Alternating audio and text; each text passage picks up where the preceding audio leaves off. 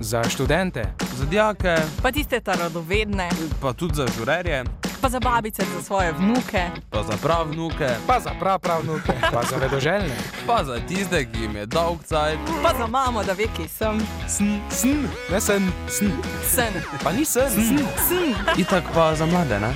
Za mlade. Za mlade. Za mlade. Za mlade. Za mlade. Vsako sredo podaja mladi, mladi, mladi, mladi na radiju Maribor.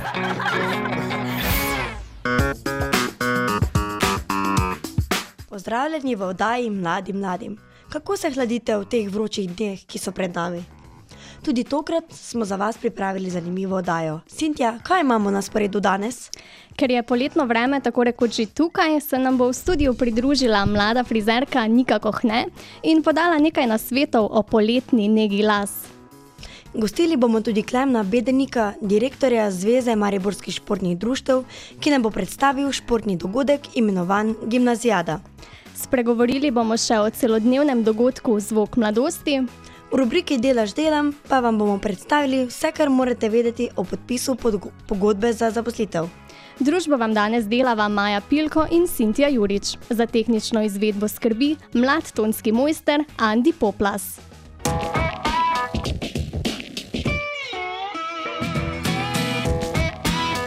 Poslušate oddajo Mladim mladim, z nami v studiu pa je mlada frizerka Nika Kohne. Nika, zdravo. Živijo. Najprej nam povej, odkot želja, da si se odločila za poklic frizerke. Um, pa neka želja je že od malega. Od malega sem rada pletla kitke, se pogovarjala z ljudmi, tako da se nikoli pa nisem prav poglobila, odkot tista želja, želja, ker je želja že od malega. No. In potem si se odločila, da pot nadaljuješ tudi v srednji šoli, ne? Je tako. Pa je srednja šola izpolnila tvoje pričakovanja? Ja, vsekakor. Hodila sem v srednjo šolo Maribor, uh, ful sem zadovoljna, res dala mi neke osnove, dobre osnove. Seveda, vsak vizer, ki pa želi pol še biti naprednejši, pa vse pa še mora naprej hoditi na izobraževanje. Pa ste imeli na srednji šoli tudi dovolj prakse, kako bi ocenila? Ja, jaz moram reči, da sicer, ko si vizerstva zelo želiš, bi imel sam prakso skozi. Ti je vse druga, ti je brez veze, samo da imaš prakso. Uh, Kako sem se malo zanimala na drugih šolah, je pa Mariborska izmed top šol, ki ima največ prakse. Celska, pardon, sicer nisem zdaj imenovala, ampak vse druge šole imajo kar manj. Super, pol si se pravilno odločila. Ne? Ja, super, ne bi se drugače. Super. No, kot si že omenila, se kljub pridobljeni izobrazbi je torej za frizerja pomembno, da se ne nekno izobražuje. Zdaj v tem si zelo aktivna tudi sama in mogoče, če nam poveš, kje vse si se do zdaj že izobraževala. Uh, izobraževala sem se res. Um... Če že gremo po državah, sicer v Sloveniji, na Hrvaškem, v Italiji, uh, šla sem tudi v Avstrijo. Um, drugače pa zelo rada um, obiskujem izobraževanja. Se mi zdi, da je to res pomemben del fizerstva, sploh zdaj, ko se mu tako spremenja in vse skupaj. Um, še vedno pa spremljam in si želim iti kako Veliko Britanijo, no tam pa mi je res um, top. Kaj pa je tam tako posebnega? Um, spremljam par frizerjev, recimo, ki so res um, na top listi vseh um, izobraževanj, vsi, vsi jim sledimo, vsi Instagrami, vse jim sledi. Tako da zaradi tega. No, in je čist drugače, je, če ti nekaj gledaš prek uh, Facebooka, interneta, ali če greš ti v živo. Ne. Je pa tudi res za to, da um, veliko finančno pride, da še bo treba nekaj let. Ampak je izkušnja potem tista, ki ostane. Ne? Ja, to pa definitivno. Kaj nam lahko na kratko poveš, kako poteka izobraževanje? Traja to več dni, teden? Um, odvisno, na kako izobraževanje greš. Lahko recimo, traja en dan, dva, lahko traja, lahko, če recimo, si finančno zmožen, lahko greš za celo leto. Ne, da, to je vse vsakega posameznika odvisno, za katero, kakšno izobraževanje se odloči. In kakšnih se ti najpogosteje udeležuješ, par dni ali enkrat na teden? Jaz hodim enkrat na teden skozi Zagreb, uh, ker se učim, za, želim si biti no, v prihodnosti edukator. Uh, drugače pa um, grem tudi tri dnevna, dvodnevna, šla sem pa tudi za en mesec. No. Uh, kar nekaj Tako. časa, ne? Ja, to pa bilo super. No. Zdaj, kot si že omenila, izobraževanja so tudi precej draga. Ne? Na podlagi česa jih ti zbiraš? Kaj te pri nekem izobraževanju najbolj pritegne? Um, tak je, ti, recimo, če delaš skozi salonu, skozi spremljaš, skozi opazuješ in vidiš, kje so še kakšne pomanjkljivosti. Vsak človek mora biti do sebe dosti kritičen, um, da vidi in potem recimo na tisti osnovi dam na večji list, recimo papirja, aha, to me še bolj moti, to bi jaz želela še izpopolniti in bolj tiste izobraževanja se bolj uh, fokusiram. Kaj pa predstavlja tebi izziv, ko, ko tvoj salon, oziroma v salonu vstopi nova stranka? Uh, zadovoljiti. Ne? Vsaka stranka želi, da gre iz salona zadovoljna. Uh, predvsem to, da ji ugodiš recimo, um, na njeno postavo, stil oblačenja, da je probaš v tistih parih minutah, uh, kakšen karakter, ali je bolj drzen ali je bolj za klasiko, da vse to probaš čim boljše v tem malem času, ko jo vidiš um, izpolniti. Se pravi, da jo prepričaš s tem, da je ta frizura paše. Ja. Oziroma, ne prepričati, to smo zdaj se malo narobe mogoče izrazili, um, da ji ugodiš njene želje. Ti ne moreš nikoli stranko prepričati, uh, kakšna je, mislim, kakšna frizura bi ji pasala, če se sama ne dobro počuti v njej. Kaj pa ti je pri tvojem poklicu najbolj všeč, kaj najraje delaš? Uh, rada delam recimo vse, od moških strižen, ženskih strižen, ženskih barvanj. Najbolj se mi mogoče všeč barvanje. Uh, ni mi recimo ne toliko rada, oziroma sploh ne delam pa trajn. In uh, ker mi to ni tako, um, da bi rekla tisto, "Wow, to pa mi je res fajn, reče tega sploh ne delam. Pa saj si velik strank verjetno ne želi trajne, ne? Pa zdaj se moda vrača. Aha. Moda se vedno bolj vrača, tako da se je trajna zdaj vrnila. No? O, In je zelo dobro to, da bi recimo, tisti, ki pa to radi delajo, da bi to ohranjali, ker je to vedno bolj popularno. Recimo, sploh moški smo opazili, ne, da ima zdaj furaj na kratkih pričeskah, skodrne lase in tako naprej. Ne. Seveda pa vsaka trajna je bolj moderna, bolj prijazna, vse skupaj. Ne. Super, zdaj večkrat si nekaj želimo tudi sami, kakšne spremembe, naprimer nove barve las ali pa novo frizuro, konec koncev. Na podlagi česa lahko mi sami ocenimo, če se nam bo nova pričeska podala. Um, najprej je vedno dobro, da se celotni pogledamo v gledalo in da vidimo, kakšno imamo postavo. Torej, smo bolj ožje postave, bolj širše, smo bolj visoki, bolj nižji. Uh, imamo daljši vrat, krajši vrat. Ne? Se, recimo, to so take neke osnove, kot če izberemo krajšo pričesko, pa imamo daljši vrat, bomo vedeli, da bo to še bolj izpostavilo. To je vse kar pomembno, sicer to se ponovadi najboljše posvetujemo vedno z, oziroma vsaka stranka s frizerjem. Uh, potem pa recimo tudi na um, ten kože, recimo, kakšno barvo bomo izbrali, ne, ali malo ov- ovalen obraz. Tak, no, to se je vedno fajn posvetovati, da se ne na pol druga. Oziroma, vse nam vsakemu človeku paše, ampak da še bolj izpopolnimo. Super. Nika, hvala za zdaj. V nadaljevanju pa o tem, kako v času poletnih temperatur poskrbimo za zdrave lase in tudi kakšne frizure se morda vračajo nazaj to poletje. Za dijake, Za žurerje, Za študente. Za vedoželjne, Za vedre. kdaj? Zdaj. Mladi mladim.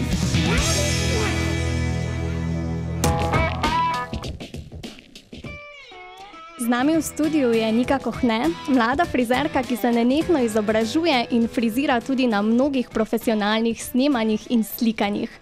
Nika, povej nam, kako poteka friziranje na terenu, naprimer na modni reviji. Um, Ponavadi na modnih revijah recimo, se že pripravlja vse kakšen dan prej. Torej se že prej pobarva modele, se recimo v okviru naredi pričeske, kakšne bodo, in potem drugi dan, ali pa če recimo v petek pripravljamo celo polče nedeljo, modna revija, ne, se potem začne to pripravljati in vse skupaj. Vsak, uh, vsaka modna revija, ponavadi, se štarta čim bolj zjutraj, zgodaj zjutraj. V kakih treh, da gremo doma, recimo zjutraj sem šla zdaj, ko je bila v opati modna revija, sem se lepo ob 3.00 osvobodila, se, se spravila in šla ob petih od doma. tako Da, potem pa traja to cel dan, da si tam vse organizacija. Je pa tudi veliko odvisno od tega, kako sam organizator razporedi delo. Če je organizator dobro razporedi delo, to gre po takočem traku, torej vse hitro organizirano, če pa tega ni, pa se potem loviš, čakaš in traja vse kar duplo dlje. Torej, moraš biti kot frizerka pripravljena na praktično vse. Ne? Ja, Pa je veliko težje frizirati na terenu, kot naprimer v salonu. Um, težje, ja, no, odvisno, kako vzameš. Je res, da je bolj razborljivo, bolj dan, mislim, vsake meru ti dan hitreje mine, ampak tam res se moraš znajti. Vem, da na zadnje, ko sem snimala za ansam, mislim, ko sem bila zraven za ansambl Šus, ko smo snimali video spot, uh, se nam je zgodilo, da smo imeli v drugem delu, da ima gospodična kodre. In potem mi smo pa snemali sredo bale, ko ni nobene elektrike, nič, vem, da smo šli do ene hiše, prosim, si lahko sposodimo elektriko, tako da je to bolj pestro potem, ne. Se moraš bolj znajti, ker nimaš um, vse posod kakšne možnosti. Torej si postavljen situacijo, pa znajdi se. Ne? Ja, točno tako. Nika, povej nam, da so naši lasje lepi, pa je zelo pomembno tudi, da jih pravilno negujemo. Imaš kakšen nasvet za pravilno nego las? Ja, na svetu je kar dosti, je pa res, da to je odvisno od vsakega lasa. Ne. Torej, um, zdaj vse splošno je težko reči, recimo, um, kaj uporabljati, da bo las boljši. Dober šampon, dober regenerator, je pa seveda od vsakega lasa, tako tu tudi imamo vsak drugačen las in ne morem zdaj reči splošno, kaj bi bilo dobro. No. Dober šampon, dober regenerator in ko ste čas, seveda tudi masko in je super. Za lase je torej priporočljiva tudi uporaba balzama. Nam poveš, kako pravilno nanesti balzam na naše lase? Um, ja, cel postopek je tak, recimo, da prvo si dvakrat šamponiramo lase, ne seveda intenzivno, pri lasišču, na vseh delah glave, dobro speremo, torej obvezno vedno dvakrat. Če si enkrat, potem ne moremo um, govoriti, recimo, kako hitro imamo masne lase, če ne damo dosti svoje energije v to, da jih ne bi imeli. Dvakrat šamponiramo, lepo, dobro, intenzivno speremo. Pri kvalitetnih šamponov se zga, zna zgoditi, da so kar dosti koncentrirani. In si ponovadi ženske nanesejo gor šampon, sperejo in imamo še vedno masno lasišče. Torej, veliko časa, da si dobro umijemo lase. Potem se lase dobro užamemo, najboljše je, da si vzamemo z brisačo. Da res popivamo, torej, da so vlažni. La, ko je las vlažen, dosti več pije, ampak je tudi dosti bolj občutljiv. Torej, moramo pazljivo, kaj ga razčesujemo in tako dalje. ne. Nanesemo regenerator vedno do ušes. To je, govorim za dolge lase. Ne. Za kratke, v vsakem primeru do ušes, um, mogoče lahko malo dlje, ampak večinoma ponovadi do ušes. Ker naš las kapilaren, v vsakem primeru gre gor više do lasišča, pri lasišču pa tako ne rabimo, torej če smo si umili, da si ne namastimo las. Aktivna pa si tudi na družbenih omrežjih, predvsem na Instagramu in pa TikToku. Kako pomembno se ti zdi, da se frizer udejstvuje na teh socialnih omrežjih? Ja, v kakšni časi zdaj živimo, je to, se mi zdi, kar neka skoraj osnova. No, je res, da še vedno mora iti od ust do ust, dober glas, ne, to ne smemo reči, da to ni, ampak na Instagramu vse, vse je za Instagramično, prek TikToka, Facebooka. Vsaka stranka, ko pride, recimo, ti pokaže iz Instagrama sliko, tako bi bila pobarvana, tako bi bila postrižena. Ne, in tu se moraš tudi ti vse to spremljati, tudi ti objavljati, če želiš. Ne, seveda, da, si, da te ljudje opazijo. Tako zdaj, mogoče če nam malo namigneš, kakšne frizure bodo po tvojem mnenju popularne to poletje? Kaj bo v spredju?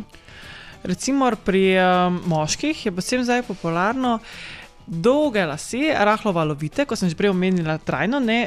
Je bilo zdaj kratke lase, fade trajna, zdaj pa je dolge lase, valovite, temu se reče sicer molet.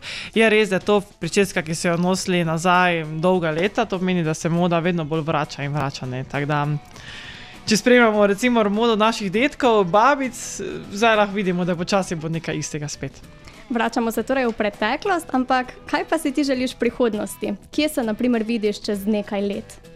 Jaz sama se izobražujem za edukatorja, tako da si želim, da bi bila edukatorica. No. In upam, da se mi uresniči. Verjamemo, da ti bo uspelo.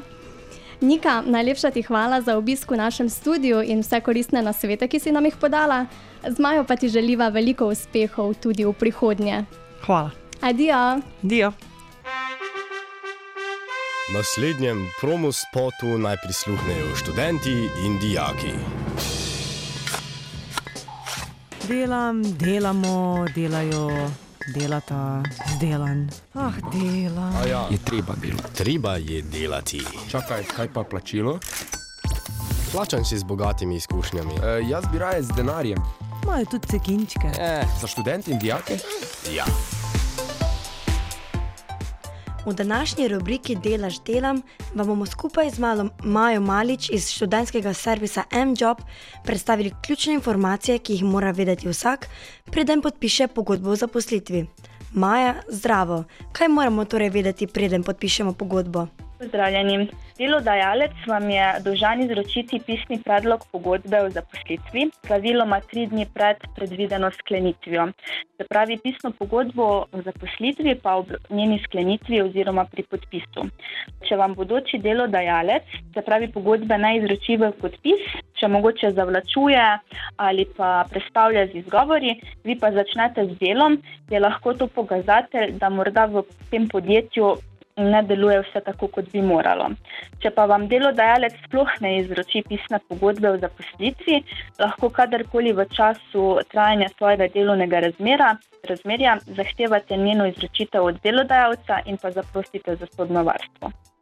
Kaj pa mora vsebovati vsaka pogodba o delu?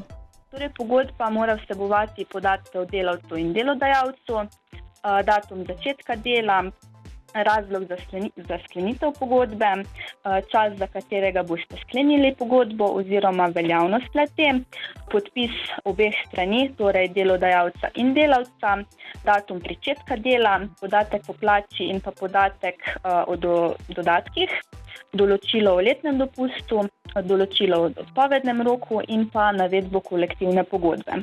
Vaš delodajalec vas je tudi ob podpisu pogodbe dolžan prijaviti v obvezno zavarovanje z dnem, ko boste začeli z delom. Gre se za obrazec M1 pri Zavodu za zdravstveno zavarovanje Slovenije, gre pa v bistvu za socialno, zdravstveno, pokojninsko in invalidsko zavarovanje starševsko varstvo in pa zavarovanje za primer brezposelnosti. Kopijo vam pa mora izročiti v 15 dneh od takrat, ko ste začeli delati. Morate pa imeti v mislih, da morate tudi vi, vašega delodajalca, o vseh spremembah obvestiti. Maja, hvala. Aktualna dela v Mariboru in okolici v tem tednu so: študentsko pomoč iščejo pri promociji Philips kavnih avtomatov, delo poteka v Mariboru, urna postavka pa znaša 7 evrov. Papirnica Kopija Nova išče študenta ali študentko za pomoč pri zlaganju na police. Urna postavka znaša 5,21 evrov. Če vas zanima delo na blagajni, pridne študentske roke išče Marše Maribor. Urna postavka znaša 6,76 evrov zagotovljena je tudi malica. V slovenski bistrici pa iščejo pomoč za delo v skladišču. Urna postavka je 7 evrov. Več informacij in prostih del pa najdete v aplikaciji ali na spletni strani mJob. Leto 2022 je naše, saj praznujemo Evropsko leto mladih. Ob tej priložnosti bomo skupaj praznovali na celodnevnem dogodku Zvok mladosti. Maja Hostnik, direktorica mreže Mama, razlaga. Osrednji dogodek Evropskega leta mladih eh, bo 27. maja v petek v Ljubljanskih križankah, kjer bomo skupaj z mladimi proslavili Evropsko leto mladih in ga tudi se na nek način obeležili. Um, organizator dogodka je Urad Republike Slovenije za mladino, sodeluje pa z nami mrežo Mama, Mladinskim svetom Slovenije, nacionalno agencijo Movit, ki izvaja program Erasmus, in pa Evropska solidarnostna enota. In tako bo od 10. do 18. ure v Ljubljanskih križankah potekalo ogromno aktivnosti, predstavljene bodo različne aktivnosti na, na stojnicah, saj je rdeča nit zeleno in pa digitalno, s tem namenom bo tudi mladinski dialog um, potekal, se pravi, dialog med odločevalci in mladimi, kjer bo osrednja tema podnebne spremembe in pa digitalizacija. Ob 15. uri se nam bo pridružil ukrajinski orkester, ki pa bomo potem dogajanje nadaljevali skupaj z Koala Voice in tako nekako zaključili nek tak lep dan. Zato vas vse vabim, da pač pridete mladi, mladi po, po duši in da se nam pridružite ter se družite s prijatelji, saj že takšnega dogodka, kjer bi pač se sproščeno družili in tudi pridobili kakšne dodatne informacije, že dolgo ni bilo. Eh, bi pa še dodala, da v, v sklopu Evropskega leta mladih s predstavništvom Evropske komisije razli, organiziramo različne dogodke v m, mm, različnih regijah. Um, Od Koroške, Notranske, Mariborske, Podravske, mm, Zasavske, različne formate dogodkov, da pač mladim ponudimo možnost, da pokažejo, kaj so, kaj, kaj ustvarjajo in kako ustvarjajo v mladinskih centrih, in da pač s tem tudi na nek način dodamo prispevek k aktivnemu državljanstvu. Poleg tega, poleg regijskih dogodkov in eh, predstavništva Evropske komisije, se bo pa v drugem polovici leta še eh, organiziralo več dogodkov in pa tudi dialog s komisarjem in pa višjim odločevalcem. Toliko za enkrat in seveda vabljeni v našo družbo.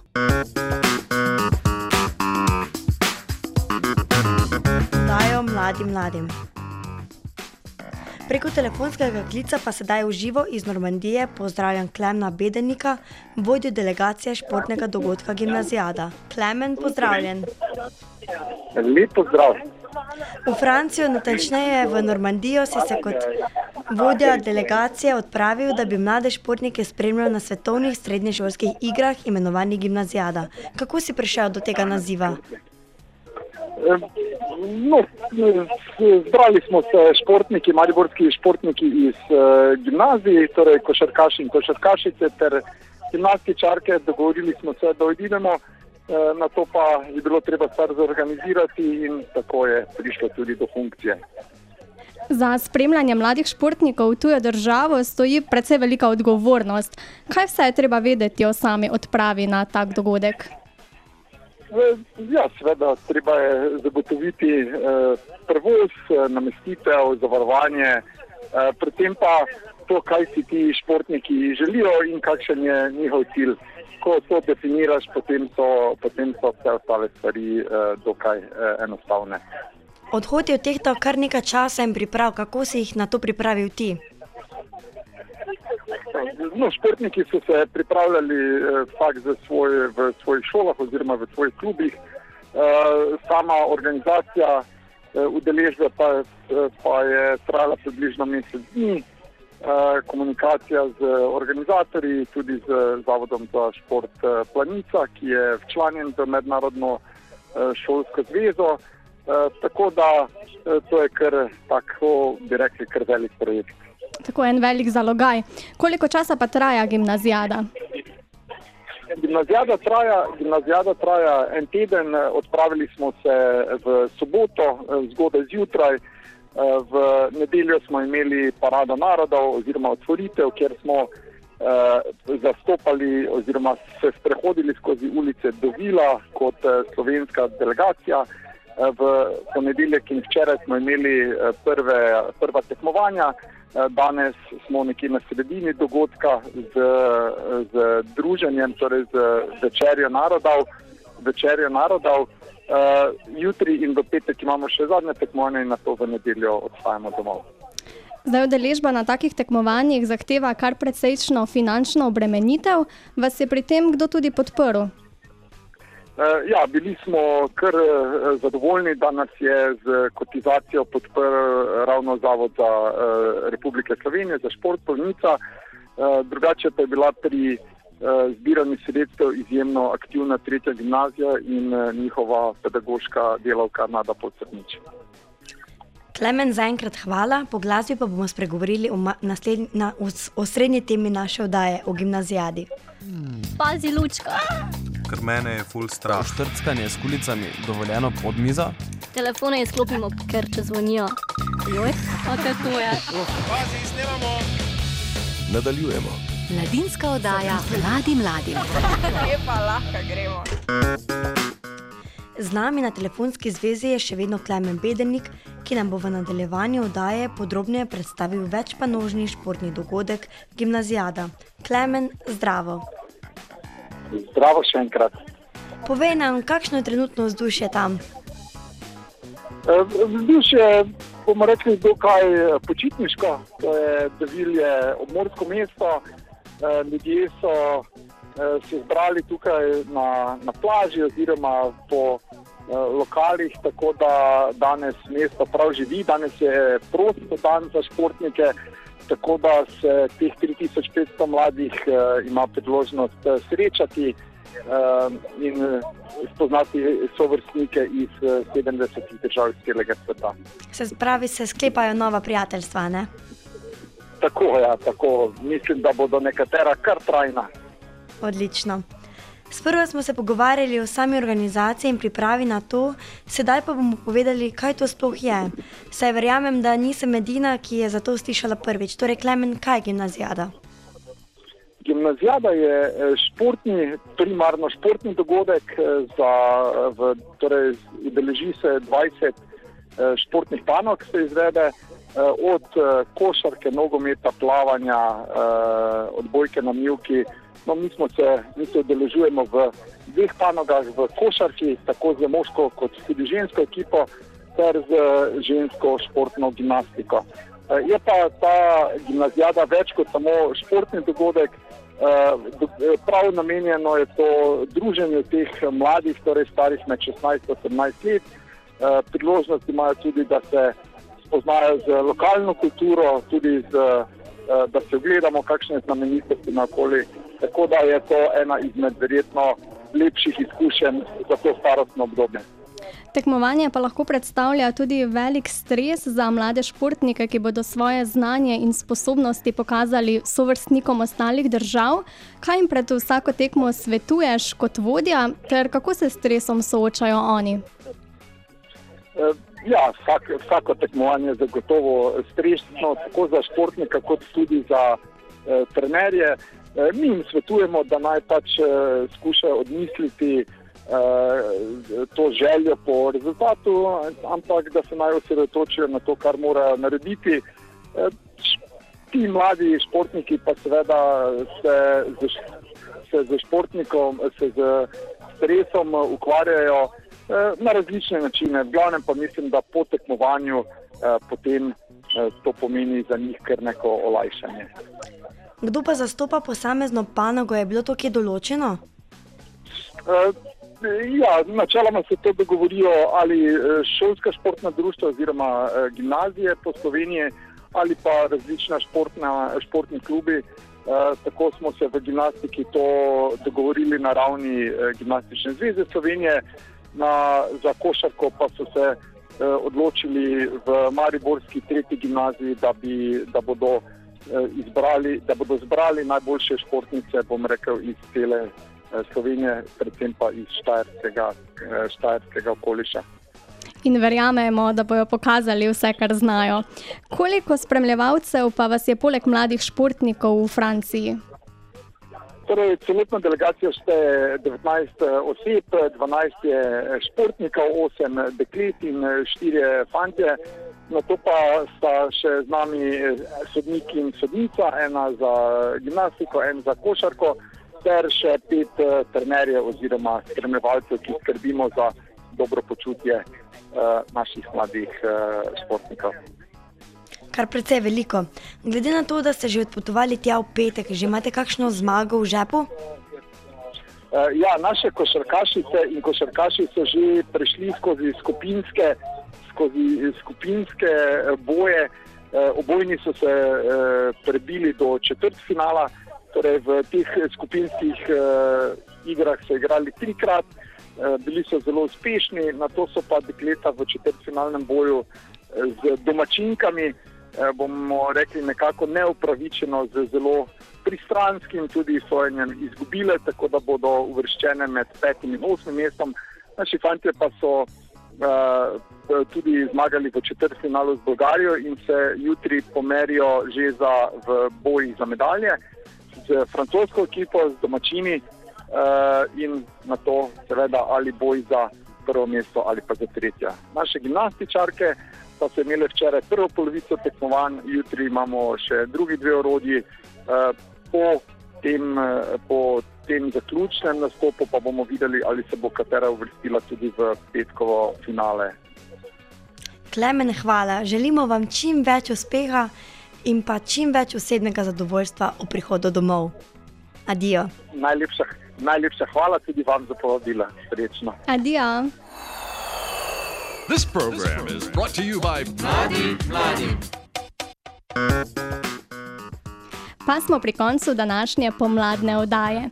Če ste oddajo slučajno zamudili, jo lahko ponovno poslušate na portalu RTV 365 in tudi v vaši najljubši aplikaciji za podkaste. Najdete nas tudi na Facebook strani Mladim Mladim, radijska oddaja in našem Instagram profilu mladi.mladim, kjer lahko všečkate in nam sledite. Z vami sva bili Maja Pilko in Cintja Jurič. Za dober zvok pa je poskrbel tonski mojster Andi Poplas.